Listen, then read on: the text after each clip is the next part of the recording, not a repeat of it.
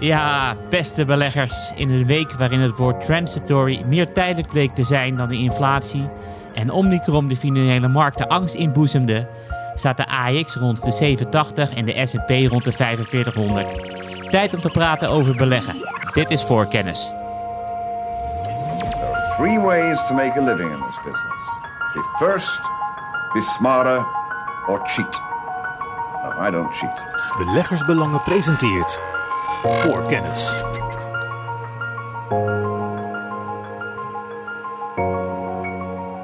Ja, beste beleggers, leuk dat jullie weer luisteren. Door omstandigheden moeten wij het helaas zonder Maarten doen. En daarom zitten Stefan Hendricks en ik alleen in de studio, maar we gaan er gewoon een leuke uitzending van maken.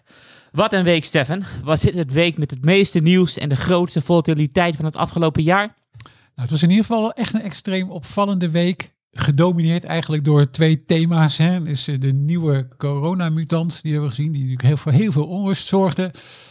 Uitspraken van eh Jerome Powell, inderdaad, zoals je in je intro heel goed zei, over is de inflatie nou toch iets minder tijdelijk dan voorheen gedacht. Ja, en natuurlijk een beetje op de achtergrond, maar toch iets waar ik nog een heel klein beetje op terug wil komen. eh, waarvan ik natuurlijk gezegd had, vorige, vorige week, daar moet ik even op vooruitkijken. Eh, Turkije, want ook dat is, speelt nu een beetje natuurlijk op de achtergrond, hè, omdat die andere eh, zaken zo, zo prominent zijn. Maar ja, de lira ging natuurlijk begin deze week, Turkse lira, nog weer harder onderuit ten opzichte van de dollar. Toen kwam er opeens een, zomaar een valuta-interventie van de Turkse centrale bank. Dat zorgde even voor lucht voor de lira.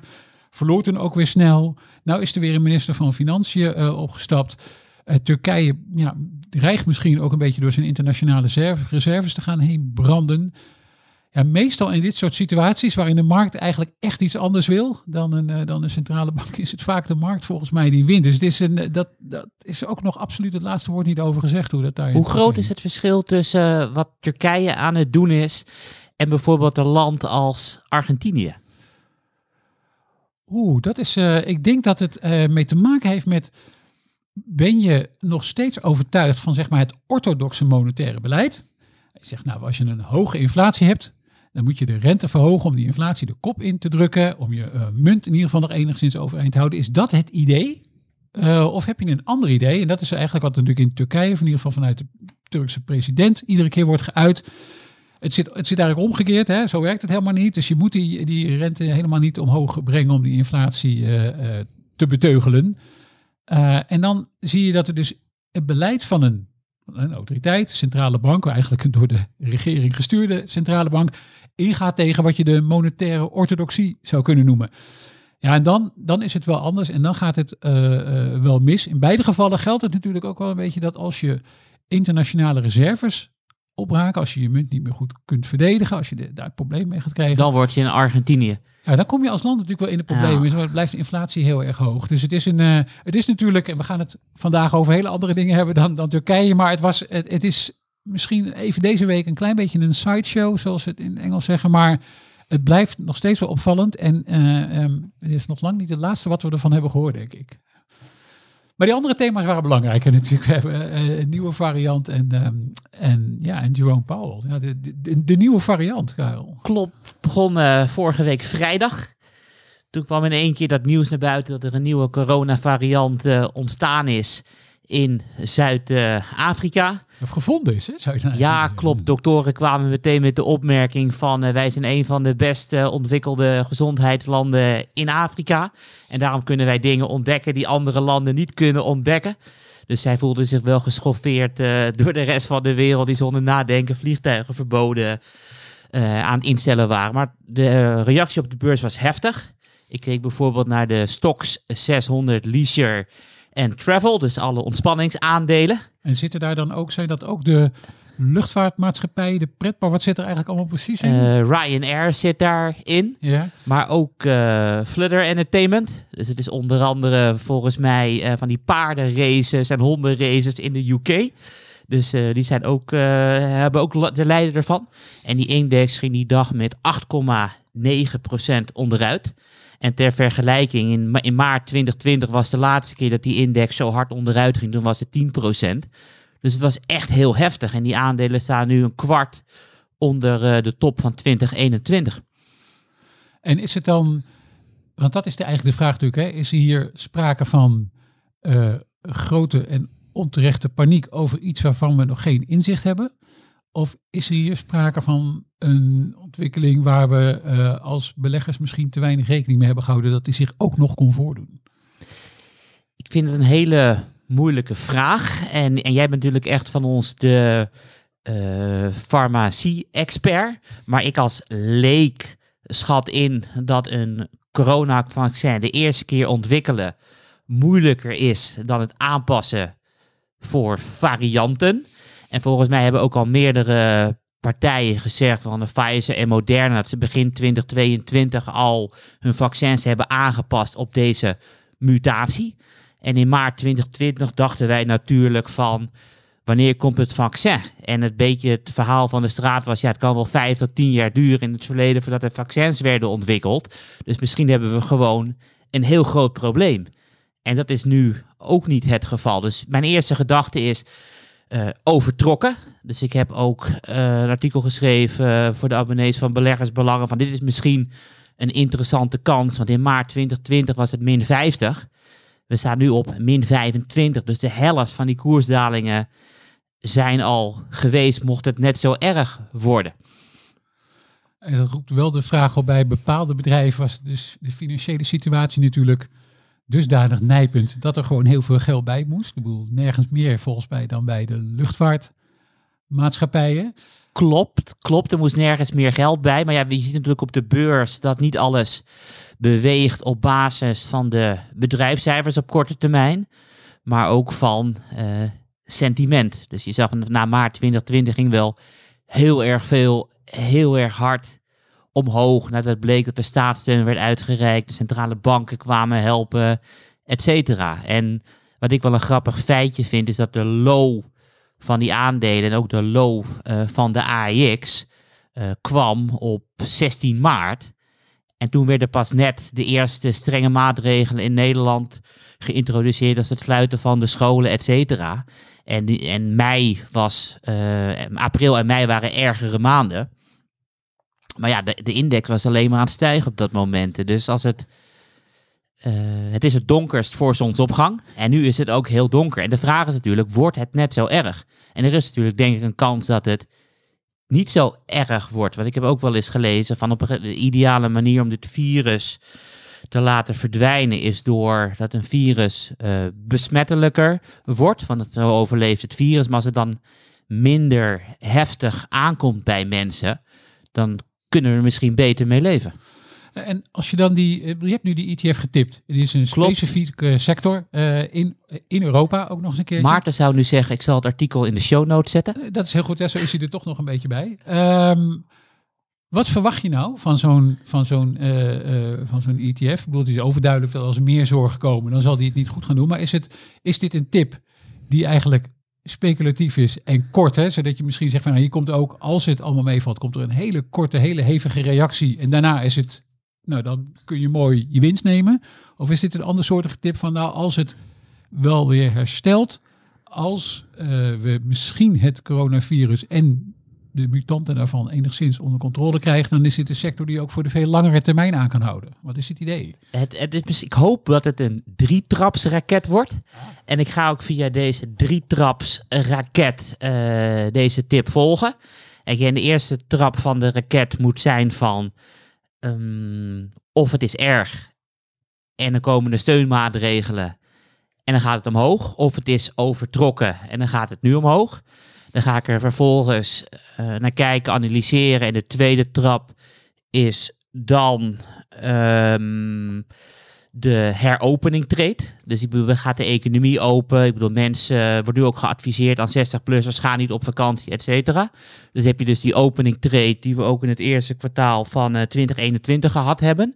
En na die opening trade is de derde trap van die raket om te kijken van is het werkelijk interessant om op lange termijn aan te houden. Wat zijn de winstgevendheid van de bedrijven die erin zitten, et cetera. Dus ik ga gewoon op drie momenten naar kijken.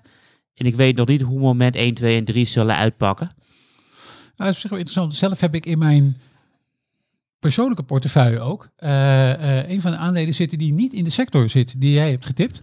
Maar die, daar, eh, die ook geprofiteerd hebben eigenlijk van wat jij de, de reopening trade noemt. Hè? Het feit dat wij weer meer gaan bewegen. en meer. En dat is eh, een Frans bouw- en tolwegbedrijf, Eiffage. En die zag ik bijvoorbeeld ook. Dat speelde zich buiten de sector af die je hebt getipt. Maar die ging ook heel erg hard naar beneden. Eh, dat ko- kostte ook zomaar eh, 10, 11 procent in een paar dagen tijd. Veerde toen ook weer wat op. Ook een bedrijf eigenlijk wat ik ook gewoon niet over mijn hart kan verkrijgen om die te verkopen. Dat het er eigenlijk gewoon nog goed voor staat. En op het moment dat het inderdaad onder controle is, dat de winstgevendheid ook weer zo hard op kan lopen. Ook met allerlei eh, bouwprojecten die er zijn. Dat je daarbij denkt van nou, is dit wel het, het, het goede moment om te verkopen? Klopt. En ik geloof ook, denk ook wel dat er weer steunmaatregelen komen, mocht het zo ernstig zijn. Ja, want eh, een van de interessante dingen, Karel, die ik las, stond een, eh, een artikel in de Financial Times. Daar schrijft eh, iemand voor die, die een aardig inzicht heeft, vind ik, in de beurzen. En die probeerde een vergelijking te maken tussen de Delta-variant, eh, die van de zomer ontdekt werd. Er waar ook, ook onrust over was. Ook tijdelijk koersen naar beneden. Olie ook bijvoorbeeld hard naar beneden. Moderna, hè, een van de belangrijke vaccinproducenten, toen ook in, in reactie eh, omhoog, want eh, nieuw- nieuwe en meer eh, vaccins nodig. En, en de huidige onrust over deze nieuwe mutatie in het, in het virus. En een aantal zaken die zijn verschillend, een aantal zaken hetzelfde, maar de verschillen waren natuurlijk wel opvallend. Hè? Een van de zaken die zei, nou, er zijn meer vaccinaties, dus dat zou ons misschien wat kunnen helpen bij, bij dit virus andere wat hij eh, noemde, en dat is denk ik nog wel interessant, en daarmee komen we volgens mij meteen op het tweede belangrijke Voel hem al aankomen. Ik voel hem aankomen. Het monetair beleid en de inflatie, eigenlijk hoe we daarover denken en hoe belangrijker nog, veel belangrijker dan wij erover denken, hoe centrale bankiers erover denken, dat is eigenlijk wel wat anders nu dan het een, eh, een, een- nog geen half jaar geleden was, denk ik, toch?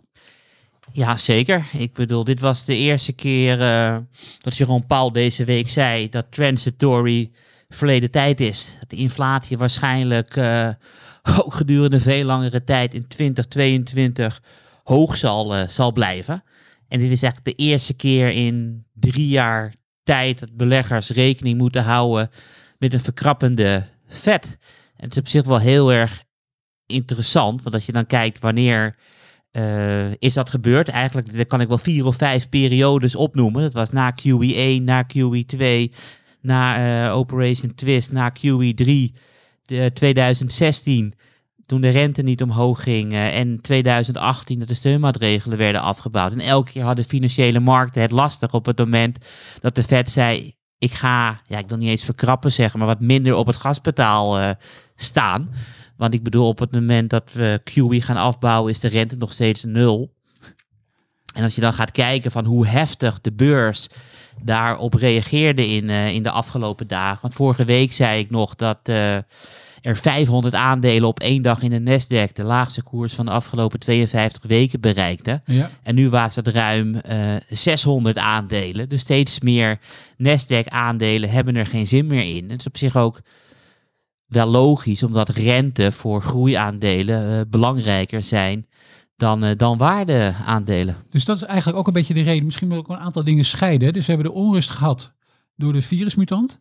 Ehm, onrust die we eh, nu zien, waarbij bijvoorbeeld ook technologiebedrijven heel hard worden geraakt. Dus ook de Basis en de ASML's van deze wereld. Just Eat Takeaway, allemaal dat soort aandelen die nu grote tikken krijgen. Dat heeft eigenlijk niet zoveel te maken met dat virus. Maar dan zitten we denk ik toch meer op waar we het nu over hebben, over inflatie en rentebewegingen van de centrale banken, toch? Ja, klopt. Want eh, er wordt nu de beleggers, we hebben ook rentefutures staan in New York. En die laten zien eh, wat beleggers denken wanneer de rente omhoog kan. Eerst was het eh, november 2022.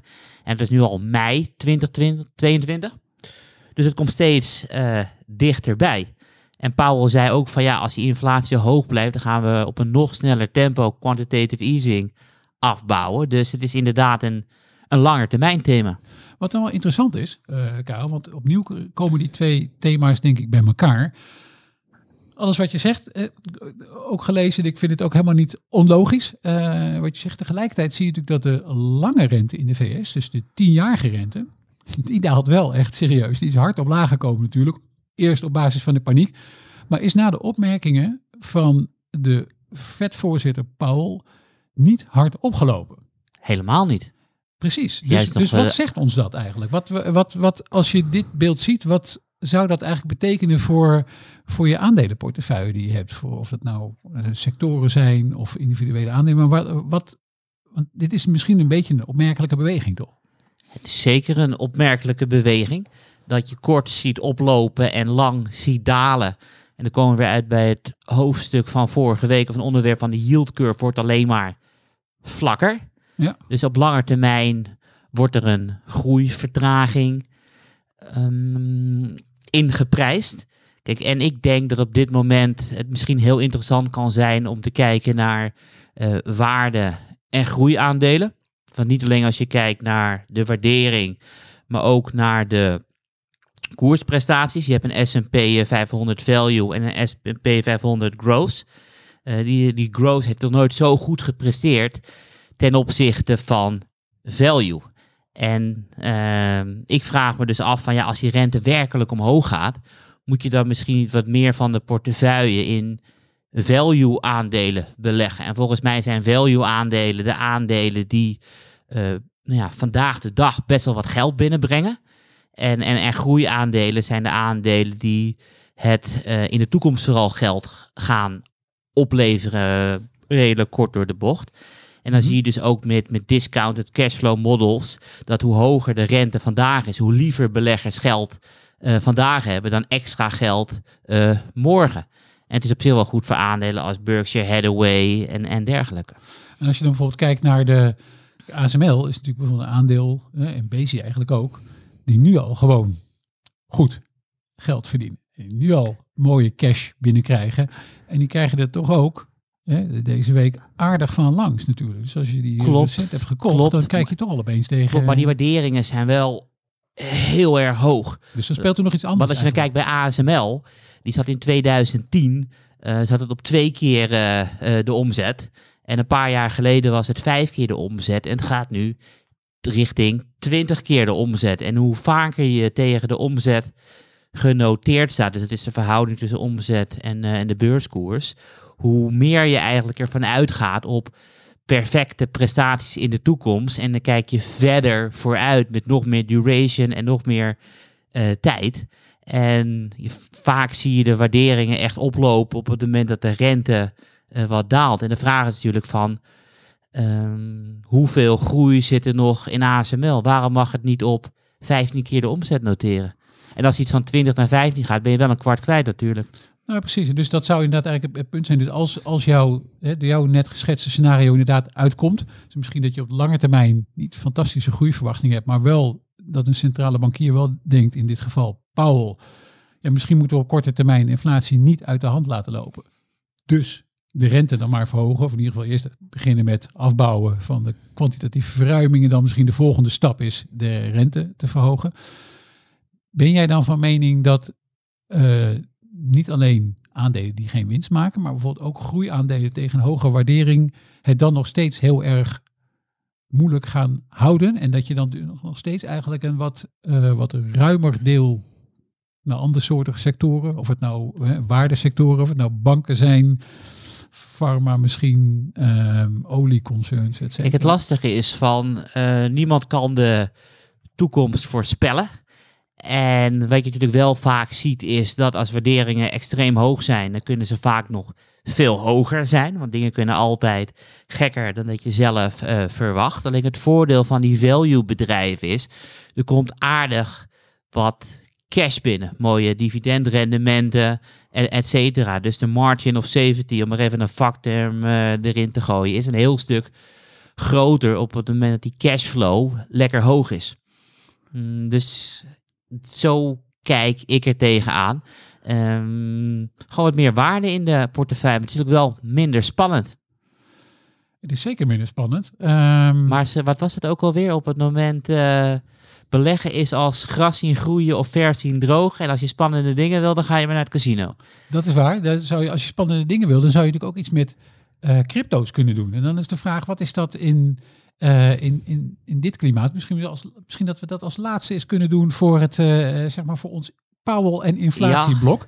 Ehm, ik heb wel met enige regelmaat kom ik de berichten tegen dat crypto's misschien ook wel een inflation hedge zouden zijn. Hè? Bescherming tegen inflatie. Maar als je dan kijkt naar de bewegingen van crypto's, bijvoorbeeld als er een nieuwe mutant van de coronavirus komt, dan krijgen die crypto's er ook van langs en worden ze eigenlijk meer gezien als een risicovolle belegging. Ik denk dat hoe meer mensen crypto hebben, hoe meer instituten crypto hebben, hoe groter de correlatie is met de aandelenmarkt. En dat zie je ook de afgelopen jaren al. Van, ik bedoel, wat was een van de beste jaren op de aandelenmarkt? Dat was 2017. We hadden nog nooit gehad in, een jaar er 20 dagen waren met een fix onder de 10. En de grafiek ging van linksonder naar rechtsboven. Dus echt een heel mooi klimaat. Ja, crypto of de bitcoin eh, trok eventjes een sprintje van 1000 naar 20.000. Toen in januari eh, 2018 piekte werkelijk alles. Begon de handelsoorlog tussen de Verenigde Staten en China. Nou, 2018 was echt een dramajaar voor de aandelen. Crypto's gingen ook van 20.000 naar 2000. 2019 was herstel voor de aandelenmarkten en voor crypto. De bodem van crypto in maart 2020 lag precies gelijk met de bodem van de aandelenmarkt. Dus de afgelopen twee jaar zie ik de bitcoin als een hefboom op het financiële systeem. En op het moment dat het financiële systeem het hartstikke goed doet, doet bitcoin het hartstikke goed. Heeft het financiële systeem het zwaar, dan heeft ook bitcoin het zwaar. Oké, dus als we, als zeg maar dit is tot een conclusie zouden brengen, Karel, en, eh, en, en, eh, en onze luisteraars gaan mee in jouw scenario van inflatie zou wel eens bestreden moeten gaan worden door Jerome Powell van de Federal Reserve, waardoor de rente wat op gaat lopen, dan zou je zeggen, nou dan is het de meest logische stap die jij als belegger zou kunnen nemen, in ieder geval eens even kijken naar je portefeuille, of je daar niet wat meer zo, zogeheten value sectoren, dus, dus sectoren met een wat lagere waardering, die we dan zoeken inderdaad in de, in de financiële hoek, in de energiehoek, misschien in eh pharma, om misschien die is een wat grotere weging daar waar nodig te geven in je portefeuille. Het is in ieder geval goed eh, voor de nachtrust. Want eh, hoge waarderingen gaan ooit even een keertje naar beneden. Weet je, en lage waarderingen gaan alleen naar beneden op het moment dat er echt een probleem is. En er zijn hele mooie bedrijven uiteraard eh, te vinden in de farmasector, energiesector, verzekeringssector, et cetera. Nou, oké, als laatste, dan noem er nog eens een paar. Dan zal, ik, dan zal ik er ook nog over een paar nadenken. Ja, nou ja, ik bedoel, kijk, je- Chevron kwam bijvoorbeeld van de week uit. Die zei van ja, we gaan eh, nog minder uitgeven aan capex, dus investeringen. we gaan nog meer eigen aandelen inkopen, et cetera. Ja, er is de afgelopen 25 jaar nog nooit zo weinig in olie geïnvesteerd. Dus ja, mij lijkt het een no-brainer dat die olieprijs in 2022 boven de 100 gaat. Dus ik bedoel, Chevron is een mooi bedrijf. Ik bedoel, Berkshire Hathaway blijft ook gewoon eh, doorgaan met het verkopen van verzekeringen, investeren, grote oorlogskas om een keertje toe te slaan op het moment dat de aandelenmarkt naar beneden gaat. Dus ik bedoel, er zijn genoeg eh, quote veilige bedrijven. Nou, in ieder geval op, eh, dan een paar uit een van mijn favoriete sectoren. Ehm soort cash-achtige machines als Sanofi en AbbVie. Ben ik nog wel een, eh, een groot aanhanger van. En, en inderdaad, in de oliebedrijven, die heb ik nog niet individueel in portefeuille. Eh wel via een ETF, maar misschien naast eh, Chevron eh toch ook nog totaal, denk ik, als interessante kandidaat. Is dit de tijd voor een muziekje, Stefan? Denk het wel, hè? Voorkennis. Volgens mij eh, gaan we het nu hebben over telecom. Jazeker. Ehm we gaan het zeker hebben over telecom. Met de hoofdvraag, Karel. Ehm, wat zien private equity partijen eigenlijk in telecom dat aandelenbeleggers niet zien? En eh, eh, voor de luisteraars die ons al wat langer volgen, eh medio maart ben ik ook eens begonnen over de telecomsector. Die had eigenlijk toen een paar best mooie maanden achter de rug op de beurs. Eh, en dat zag er eigenlijk eindelijk wel weer eens een beetje goed uit. Dat er wat cashflow wat meer omhoog ging. Dat de omzet ook eigenlijk een beetje leek te groeien. Eh, dus zei, nou is een sector om wel in de gaten te houden.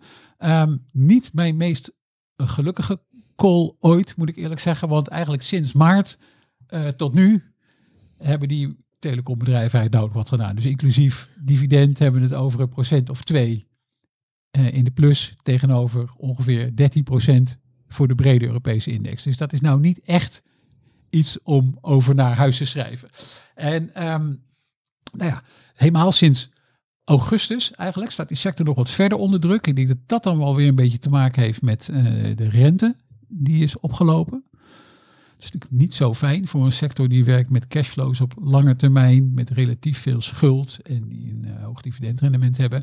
En dan zie je nu dat die sector eigenlijk tegen een, uh, tegen een behoorlijk lage waardering noteert. En wat noem je een lage waardering? Hebben we het over dividendrendement of KW's? Ja, ik kijk dan eigenlijk voor die telecomsector ook al, omdat dat ja, de reden is om daar denk ik tot nu toe in te beleggen, vooral heel erg naar dividendrendement. En dan is bijvoorbeeld een Deutsche Telekom met ruim 4%. Dat is nog een van de aandelen met een heel bescheiden dividendrendement in de telecomsector. Je komt ook bijvoorbeeld bij eh, KPN, die zit uh, boven de 5%. Of bij Orange en die zit gewoon op 7,5%. Uh, ja, dan weet je dat je echt met een, met een laag gewaardeerd aandeel te maken hebt. Nou, dus die sector was eigenlijk lange tijd helemaal niet populair. Maar afgelopen week al iets vaker over gehad in de podcast. Je ziet nu wel wat fusie- en overnameactiviteit in die sector komen. Dus we hebben het al gehad over een bod van private equity partij KKR op Telecom Italia. Nou, dat is wel heel opvallend. En ondertussen zijn er ook heel veel overname uh, geruchten rond BT Group, dus voormalig British Telecom. En dat riep bij mij inderdaad de vraag op, hoe kan het nou zo zijn dat partijen als een KKR zeggen, nou, Telecom Italia, dat is een, dat is een nou, niet bepaald een snel groeiend bedrijf. En er is ook nog wel eens een winstwaarschuwing gegeven dit jaar. Waarom zijn dit soort partijen daar dan toch geïnteresseerd in? Terwijl aandelenbeleggers eigenlijk helemaal niets van die telecomsector moeten hebben. Dus wat, wat speelt daar nou? En ik denk een van de belangrijkste zaken die, die er is, is dat er een, een verschil van inzicht is over uh, de waarde van investeren en, en, en hoe je tegen die bedrijven aankijkt. Dus toen een aantal van die telecombedrijven eerder dit jaar aangaf meer te willen investeren, bijvoorbeeld de Vodafone, werd op de beurs helemaal niet de prijs gesteld. Ging eigenlijk de koers omlaag, beleggen ze echt helemaal, echt, of helemaal, maar een beetje, uh, de Engels gebruiken het woord uh, apprehensive, een beetje voorzichtig, van liever niet eigenlijk, liever niet investeren. Dan denk je, nou dat is toch best wel gek, want dat is toch iets wat je zou moeten doen als bedrijf, investeren in de toekomst. Om daar, maar als je dan even gaat kijken naar de rendementen die telecomconcerns behalen op het ingezette kapitaal, op hun geïnvesteerd kapitaal. Nou, wat verdien je daar nou eigenlijk op? Nou, dan ziet dat er bij een aantal gewoon echt heel beroerd uit. Dus dan kom je op 4, 5, 6 procent voor een Deutsche Telekom of een Orange. Dat is gewoon echt heel erg weinig. Dat is eigenlijk te weinig. KPN steekt daar met zo rond de 10 uh, nog wel uh, goed tegenaf. Maar die andere grote telecommers gewoon niet echt heel erg goed. Um, dus zodra die bedrijven beginnen met, hey, we hebben investeringsplannen, dan worden beleggers een beetje terughoudend. Die zijn eigenlijk bang dat er verkeerd in geïnvesteerd wordt. Toch nog steeds zien die private equity partijen ergens iets in. En wat, en wat zien zij nou? Uh, eigenlijk zien zij, denk ik, een, een, eindigheid aan investeringen in infrastructuur, die op een gegeven moment dan cashflows op gaan leveren. Dus Orange heeft bijvoorbeeld al gezegd van nou, zo e-, eind 2023 hebben wij de uh, uh, grootste investeringsgolf in het Franse glasvezelnetwerk wel een beetje achter de rug. KPN heeft dat denk ik in Nederland eind 2026 uh, wel achter de rug. En dan komen natuurlijk veel meer cashflows naar je toe. Dus die private equity partijen die kijken misschien ietsje langer en die zien misschien activa die een stabiele cashflow kunnen opleveren. En er zijn er al verschillende analistenrapporten verschenen die over die sector gaan. Die zeggen, ja, eigenlijk zouden die telecombedrijven dat duidelijker moeten maken aan hun beleggers. Hè? Van hoe, hoe zitten die investeringen nou in elkaar? En, en, en misschien moeten die bedrijven zelfs wel een beetje worden opgesplitst in een, in een, zeg maar een infrastructuurbedrijf, waar je dus zowel de mobiele als de vaste infrastructuur hebt. Dus je hebt je glasvezelnetwerk en je hebt je mobiele telecommasten. En dan heb je nog zeg maar, wat je dan dienstverlening zou kunnen noemen. Alles wat samenhangt met als je een mobiele uh, telefoonabonnement afsluit of een, zakelijk abonnement afsluit, et cetera. Misschien moeten die bedrijven dat wel meer gaan doen. En ik denk dat zo'n KKR daar ook een beetje op aanstuurt. Want die hebben zelf al een flink belang in het vaste netwerk van Telecom Italia. En die hopen dat te koppelen, uh, waarschijnlijk via een samenvoeging, aan een ander soort concurrerend glasvezelnetwerk, Open Fiber, waar uh, uh, nutsbedrijf Enel in zit, om zo eigenlijk tot een soort nutsbedrijf te komen in die telecomsector en daar die stabiele cashflows eh, af te halen. En is dit ehm, ook iets om te, in te beleggen wanneer je denkt waardeaandelen komen weer terug en groeiaandelen gaan uit? Eh, ja, nou, het zijn waardeaandelen bij uitstek. Maar het is ook, een, eh, en dan moeten we toch wel even een Engels begrip erin gooien, Karel. Heel veel van die telecombedrijven zijn ook een zogeheten value trap geweest. Dus ja, laag gewaardeerd, maar ook wel om een reden. En de belangrijkste reden noemde ik eigenlijk net al. Op het moment dat je wel investeert, maar je verdient eigenlijk niet zo heel erg veel op die investeringen. Ja, dan heb je nu wel een probleem. Je weet eh, dat eh, eh, industriële gasproducent Lindis, een van mijn favoriete bedrijven, ja, die hebben een rendement op geïnvesteerd vermogen dat zit dik in de dubbele cijfers. Dus die hebben een heel ander eh, eh, ehm, eh, eigenlijk waarderingsmodel. Die hebben een heel ander model om geld te verdienen voor hun aandeelhouders. Dus ja, het is wel een value sector, een waardesector. Maar er moet nog wel het een en ander gebeuren bij die bedrijven voordat die waarde er echt uitkomt. Hoge rente is niet altijd even goed, zoals ik net al zei. Hè. Eh, Cashflows veel in de toekomst, eh, relatief veel schuld. Dan is dat misschien niet ideaal. Maar er zit dus kennelijk wel wat in die sector, eh, waardoor een bepaald type belegger geïnteresseerd raakt. En dan zie je dat de koersen wel hard op kunnen lopen. Want dit jaar hebben een Telecom Italia en een, en een BT Group, die hebben prima rendementen achter de rug puur op basis eigenlijk, of heel erg op basis van die overnamespeculatie. En dat zie je bij BT Group nu weer. Daar zit ook een groot netwerk in, dat heet OpenReach. Eh ja, dat is eigenlijk, daar zie je die beleggers, eh, die lange termijn beleggers, heel erg op azen. Op dit soort activa niet zo makkelijk na te maken, of in ieder geval een hele dure grap om dat ook na te maken. In de hoop dat je dan een sterke marktpositie hebt en daar die cashflows. En zijn de dividenden hoog en stabiel genoeg om ook op te nemen in de beleggersbelangen hoog dividendportefeuille? Nou, we hebben er twee opgenomen. Eén waarvan ik, eh, eh, waar ik eigenlijk volmondig ja zou willen zeggen. De ander waar ik eh, ja op zeg, maar, maar er toch wel steeds op terugkom om te kijken of dat zo is. Is maar met de volmondige ja. Dat is KPN. Dat ziet er in mijn optiek gewoon goed uit qua cashflow eh, eh, op de lange termijn. En ook de free cashflow, dus de, de, de cashflow na investeringen die KPN kan genereren. Is het KPN ook echt iets zeggen over de groei van het dividend? Want dat is eigenlijk ook nog wel iets in de telecomsector. Veel heb je een hoog dividend, maar dat beweegt eigenlijk helemaal niet. En, en dus bij mijn minder sterke ja in de hoogdividendportefeuille is Orange bijvoorbeeld. Daar groeit het dividend niet zo. Staat de cashflow dus ook ietsje meer eh, onder druk. Die hebben niet, voor, wat mij betreft in ieder geval, het zicht op die hele sterke verbetering. En dat heeft te maken in mijn optiek met hun positie in Spanje. Eh, de mobiele telefoniemarkt in Spanje is ongelooflijk competitief. Dus de rendementen die je behaalt zijn echt niet goed. Dus een paar dingen die er moeten gebeuren, wil die telecomsector eh, echt weer interesse wekken bij eh, beleggers. Er zijn er een paar dingen. Dus het zou goed zijn als er her en der misschien nog wat consolidatie zou plaatsvinden, bijvoorbeeld op een mobiele markt. Daarvoor heb je ook nog wel eh, toestemming nodig natuurlijk van mededingingsautoriteit. Heeft Nederland nog een gouden aandeel in KPN? Ja, Nederland kan, ja, in ieder geval Nederland kan dat nog wel eh, blokkeren. Of in ieder geval, in, eh, nou ja, wat natuurlijk al gebeurd is. Hè, afgelopen maart zei KPN, nou, we hoeven liever niet. Ja, dan, dan komt de politiek ook een beetje in beweging. Dat is bij veel van die telecombedrijven eh, natuurlijk wel het geval. Maar uiteindelijk denk ik is iedereen natuurlijk wel gebaat bij een goede mobiele en vaste telecom-infrastructuur. Dus dat betekent dat je straks 5G gewoon goed uit wil rollen, glasvezel goed uit wil rollen. En die investeringen moeten wel, denk ik, gedaan worden. Dus daar misschien, en, en ik denk als je, als je een beetje ziet, als overheden daar wat gaan schuiven, dat dat echt heel erg goed is voor die, eh, voor die telecomsector. En bedrijven kunnen er natuurlijk zelf wat aan doen. Want nu zit dat natuurlijk al die activiteiten onder één dak. Ehm, en is het lastig soms voor beleggers om te zien hoe goed rendeert zo'n infratak nou? Uh, hoe aantrekkelijk is dat eigenlijk? Welke cashflows komen er daar precies uit? Uh, een van de interessante experimenten was natuurlijk van Vodafone. Die heeft een deel van zijn mobiele uh, telecomtorens naar de beurs gebracht. En dat was volgens mij afgelopen maart ook. En dit heet Vantage Towers. Die staan in Frankfurt genoteerd. Ja, dat Vantage Towers, dat heeft het eigenlijk wel goed gedaan. Volgens mij staan de year to date een, een procent of twintig in de plus. Maar Vodafone zelf heeft er eigenlijk niet heel erg van geprofiteerd. En dat is, wel, uh, dat is wel opmerkelijk.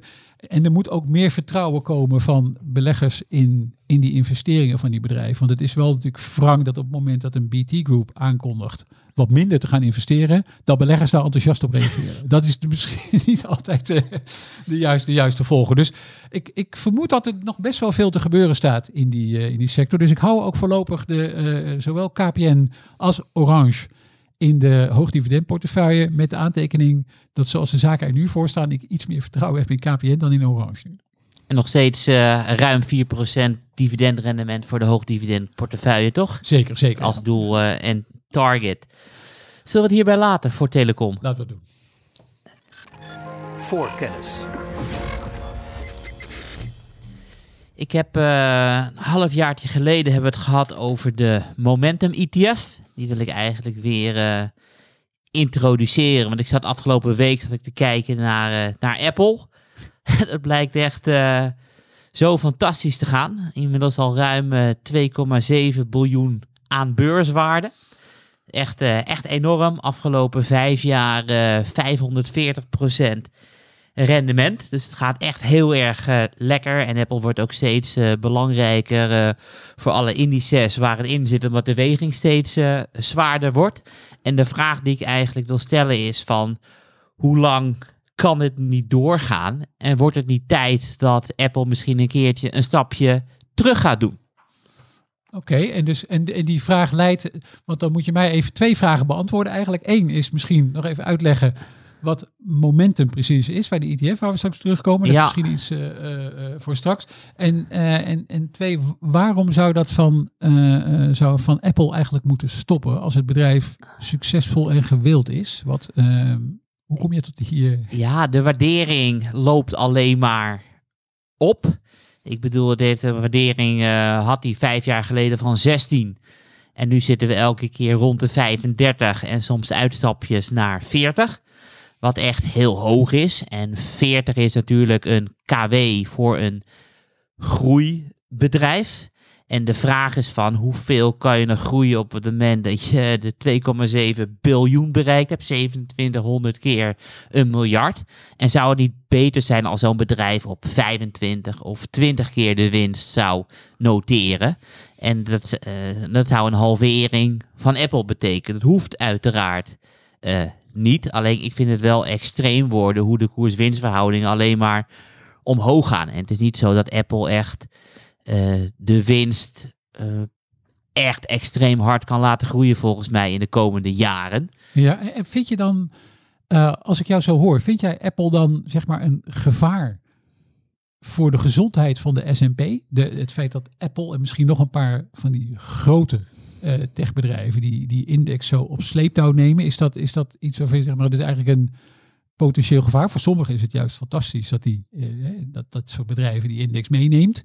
Maar ik heb de indruk dat jij er net iets anders tegenaan kijkt. Ja, je, de waarderingen trekken altijd weer terug naar iets wat normaal was in het gemiddelde. Alleen de geschiedenis heeft wel laten zien dat het 5, 10 of 15 jaar kan duren. Of soms zelfs 20 jaar voordat die overwaardering eruit gaat. Dus het is een langetermijn gevaar en geen uh, korte termijn gevaar. Dus ik vind het wel een risico, maar het hoeft niet per se een risico van, uh, van nu te zijn. En nog even jouw eerste vraag te beantwoorden. Momentum belegt in een stuk of 100 aandelen die de afgelopen zes maanden het snelst zijn gestegen. Dus op dit moment uh, zit, zit, Apple er niet in. Want die was er 1 juni uitgegaan. Omdat we toen een hele grote sectorrotatie uh, hadden. En we zagen dat vanaf 1 juli. Uh, wat had ik het ook weer opgeschreven? Dat de, de financials gingen bijvoorbeeld van 1,6 naar 33% weging. En technologie ging terug van 40% naar, naar 17%. Dus het was wel, zit er niet in. Alleen als je dan kijkt naar uh, de zeven grootste bedrijven in de S&P 500, die hebben op dit moment een uh, gezamenlijke weging van 28% Dus dat betekent dat 493 uh, bedrijven nog 72% meewegen. Dat is echt een, per aandeel een heel stuk, stuk minder. En we hebben in het verleden natuurlijk meerdere malen gezien dat de zeven grootste aandelen, die ik maar eventjes gepakt hebben, van een hele zware weging naar een hele relatief lichte weging uh, gegaan zijn. Dus in 2000 was het 20%. En, eh, en tien jaar daarna was het weer helemaal terug naar, eh, naar 10%.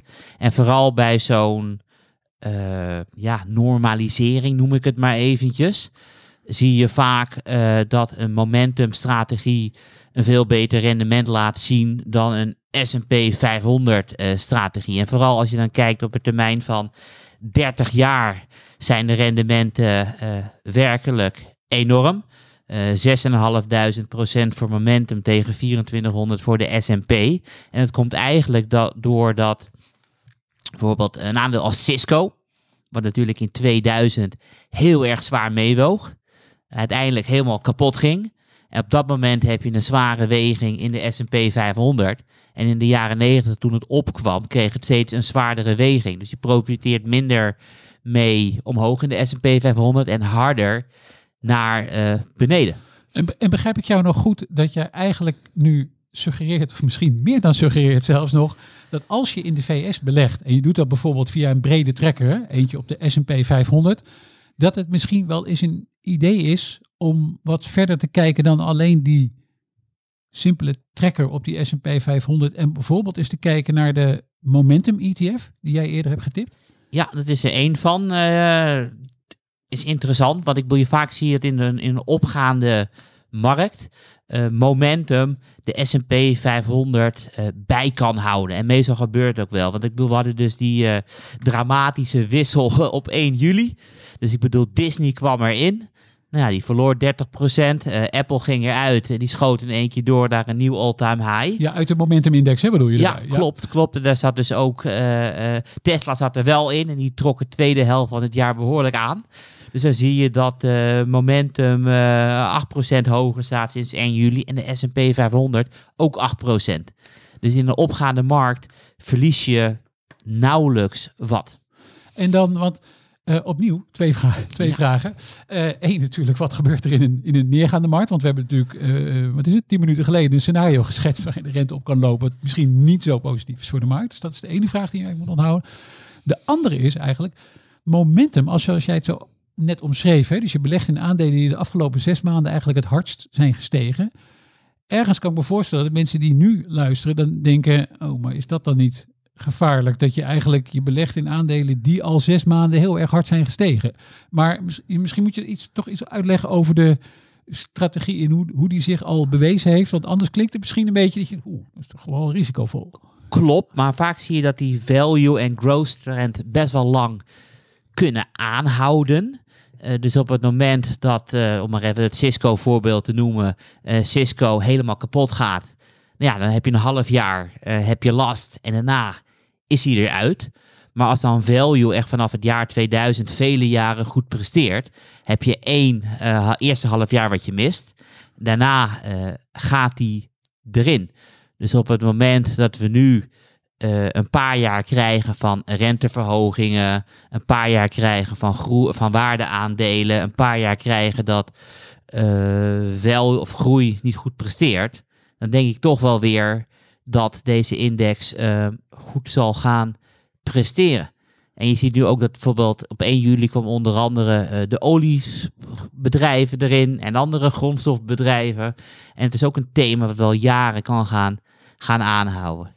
En ik denk dat het met beleggen het belangrijkste is om eh, niet heel veel geld te verliezen op het moment dat aandelen van een hoge waardering naar een normale waardering gaan. En in de, ehm, mijn- vraag over de dalende markten. ehm, eh, ho- hoe werkt het dan? Want ergens krijg je het gevoel dat je dan in, met momentum ook best wel eh, het voor je kiezen kunt krijgen. Maar werkt dat anders dan ten opzichte van de brede index? in het begin denk ik dat eh technologieaandelen harder onderuit gaan dan ehm eh, waardeaandelen. Dus en dan ga je eh, de eerste. Kijk, op het moment, om een voorbeeldje te geven, in de donkerste dagen eh, van de Momentum Index, dus 2007, eh, 2009, ging de S&P 500 eh, min 50%. Ja. Momentum ging ook min 50%. Dus ik bedoel, je krijgt hem net zo hard Voor de voor de kiezer. Ja, dus op het moment dat we werkelijk niets willen hebben, dan krijg je hem voor de kiezer. Maar je, op, je krijgt hem alleen eh, een beter rendement wanneer er een bepaalde sec- sector voor langere tijd beter dan de gehele markt zal presteren. Oké, dus kan ik je dan, kan ik dan zo interpreteren, Karel, dat als je in plaats van de gewone S&P 500 zou kiezen voor een momentum ETF, dat je dan eigenlijk zonder dat je zelf wat hoeft te doen, die sectorrotatie die dan misschien plaatsvindt als de rente omhoog gaat en misschien grondstoffen blijven stijgen, eh, banken interessanter worden, eh, misschien een supermarkt, et cetera, in plaats van technologie, dat dat iets is wat zich vanzelf in jouw portefeuille voltrekt, in plaats van dat je daar iets actiever mee moet doen? Klopt, die zit dus altijd in, in de aandelen die het afgelopen half jaar goed gedaan hebben. Dus dan roteer je ook van de ene sector naar de andere sector. En mocht bijvoorbeeld blijken dat eh, fossiele brandstoffen echt einde oefening is, dan gaan ze er ook gewoon automatisch weer uit en komen ook alternatieve bedrijven erin. En volgens mij heb, op de beurs zie je vaak dat trends langer duren dan zes maanden. En zou jij persoonlijk, als je nu eh, eh, zou moeten kiezen, eh, is, het, is die momentum, nee, laat ik het anders vragen, is die momentum ETF iets waar jij ook gewoon persoonlijk in zou willen beleggen? op het moment dat ik, ik heb op dit moment heb ik hem niet. Omdat ik een beetje de beurs probeer te timen. Ah, Dus op dit moment heb ik hem niet. Eh, maar op het moment dat ik eh, mijn Amerikaanse aandelen wil uitbreiden, is het sowieso één van de vier dingen waar ik naar kijk. Weet je, en die andere drie eh, zijn buybacks index, de fundamentele index en de alternatieve index. En ik zal nooit mijn geld in eh, een index stoppen die naar mijn mening 99% van de tijd goedkoper is geweest dan nu. Oké. Nou, in ieder geval lijkt me goed om in de show notes eens even de, eh, de feiten en data van die momentum ETF op te Ja, nemen. zal ik sowieso even zal ik erin zetten. Ja.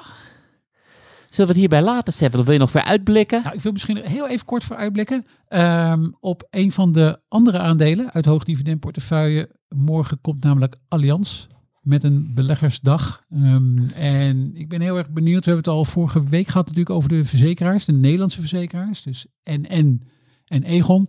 En een van de eh, argumenten om het over te hebben was natuurlijk dat die bedrijven relatief goede cashflows kunnen genereren die terugkomen in de vorm van eh, dividend- en aandeleninkoop eh, naar ons als beleggers. Een van de redenen waarom ook NN Group bijvoorbeeld in de hoogdividendportefeuille zit.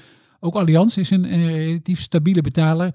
En ik ben heel erg benieuwd eh, hoe zij tegen de, de, de toekomst aankijken van hun, eh, hun kapitaalratio's. Want dat is natuurlijk de drijvende kracht voor, eh, voor het dividend. Voor hoeveel er uitgekeerd kan worden of hoeveel aandelen ingekocht kunnen worden. Dus ehm, dat is er eentje die ik zeker in de gaten ga houden. Ik ga komende week ga ik kijken naar Disney. Ik heb er al twee weken geleden naar gekeken bij de kwartaalcijfers. Alleen ik vind het echt opvallend hoe het aandeel aan het afstorten is. Redelijk snel van 200 naar 140 dollar. Poeh. Dus het is wel heel erg hard. En volgens mij eh, draait het bedrijf eh, fantastisch. Hebben ze pricing power waar je u tegen zegt. Maar ja, op het moment dat er 60 dollar van die koers afkarrelt, is het misschien eh, ja, een enorm koopmoment. Of ik heb iets gruwelijks gemist. Dus daar ga ik deze week op onderzoek uit. En ik wil de luisteraars bedanken voor het luisteren. Wanneer u helemaal eh, tot hier bent eh, gekomen. Op het moment dat u feedback wil geven over deze aflevering, die toch iets anders was dan anders. eh, meer dan welkom via eh voorkennis apenstaartje beleggersbelangen.nl. En volgende week hebben we weer een normale aflevering.